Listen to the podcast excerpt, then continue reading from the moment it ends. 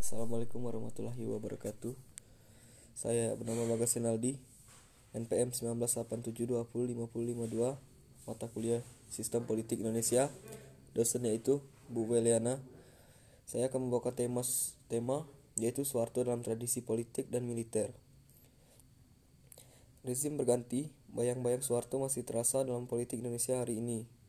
Konflik internal elit selalu mengorbankan rakyat. Pola seperti itu selalu berulang sampai kini. Ikuti opini Aris Sentur berikut. Hampir dua warsa setelah dirinya lengser, bayang-bayang Soeharto masih terasa dalam politik Indonesia hari, hari ini.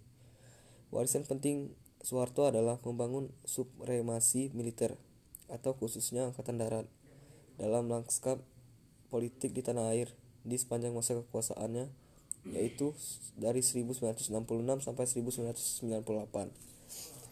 Meskipun sudah tidak begitu besar dulu lagi, peran politik militer masih menuntutkan itu terwujudnya dalam figur Jenderal Purna Luhut Panjaitan, Menko Polhukam Akmil 1970. Dari pengamat militer, terlihat ketergantungan Presiden Jokowi terhadap Luhut selaku Menko Polhukam terbilang tinggi. Cukup ser Cukup sering Presiden Jokowi memberikan jawaban, tunggu Pak Luhut ketika ditemui awak media pada kasus-kasus yang pelik.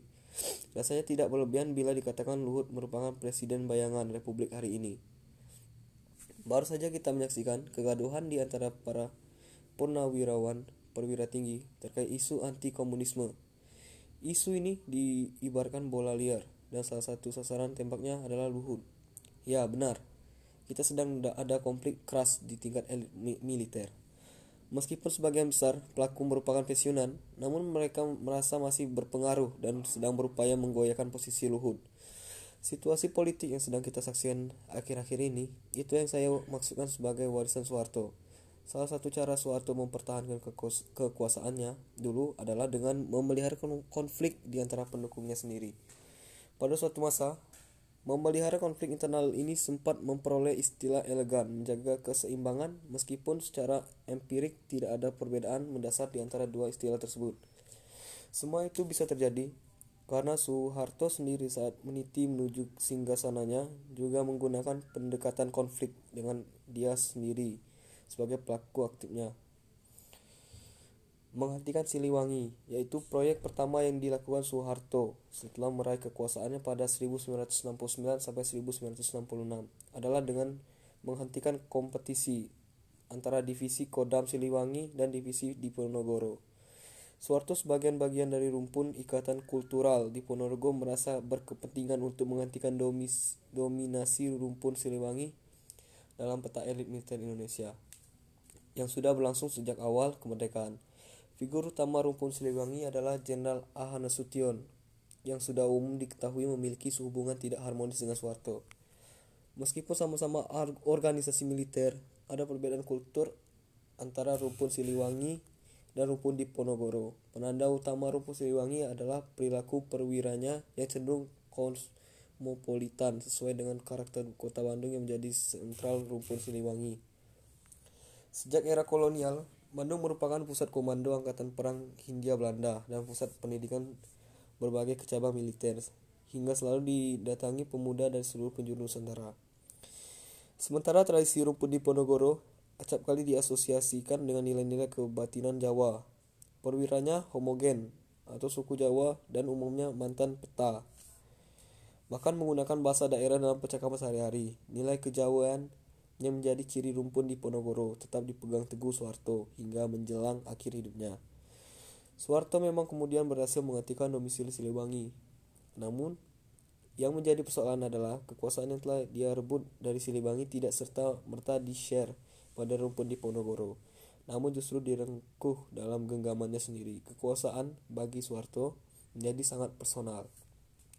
Era Orde Baru ditandai dengan runtuhnya pengaruh rumpun Siliwangi kita menjadi paham sekarang mengapa di masa awal Orde Baru masih ada figur Siliwangi yang berusaha mengimbangi Soeharto seperti Mejen TNI Ibrahim Haji, Pangdam Siliwangi 1160 sampai 1166 dan Legend TNI Haji HR Darsono, Pak Ton, Pangdam Siliwangi 1166 sampai 1999.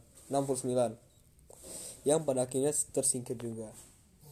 Demokrasisme satu hal yang paling memprihatinkan konflik internal elit militer selalu mengorbankan rakyat kebanyakan yang notabene tidak tahu menahu apa yang sebenarnya terjadi.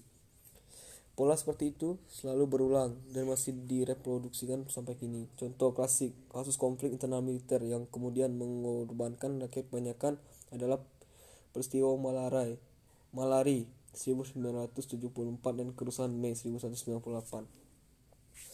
Pada teng tenggat terakhir kekuasaannya, Soeharto memiliki pesaing yang cukup tangguh dalam arti sulit ditaklukkan yaitu Jenderal Benny Murdani. Persaing persaingan antara kedua tak kurang pula mengorbankan rakyat biasa. Salah satu yang bisa disebut adalah peristiwa Santa Claus di Dili no, November 1991. Peristiwa tersebut merupakan cara untuk menghentikan laju karir Pangdam 9 Udayana saat itu Mejen TNI Tong Panjaitan Akmil 1963 yang sedang digadang-gadang sebagai calon KSAD menggantikan Jenderal Edi Sudrajat Akmil 1960. Sintong dianggap masuk dalam kubu Beni Mordani, sementara kubu Cendana sudah menyiapkan calonnya sendiri yaitu Pangkostrat saat itu Mejen TNI Wismo Yo Armunandar Akmil 1963 terhitung masih kerabat Soeharto. Eksperimen perlawanan Beni dimulai ketika mengorbitkan nama Megawati Soekarno Putri dalam kampanye PDIP, belum memakai label perjuangan.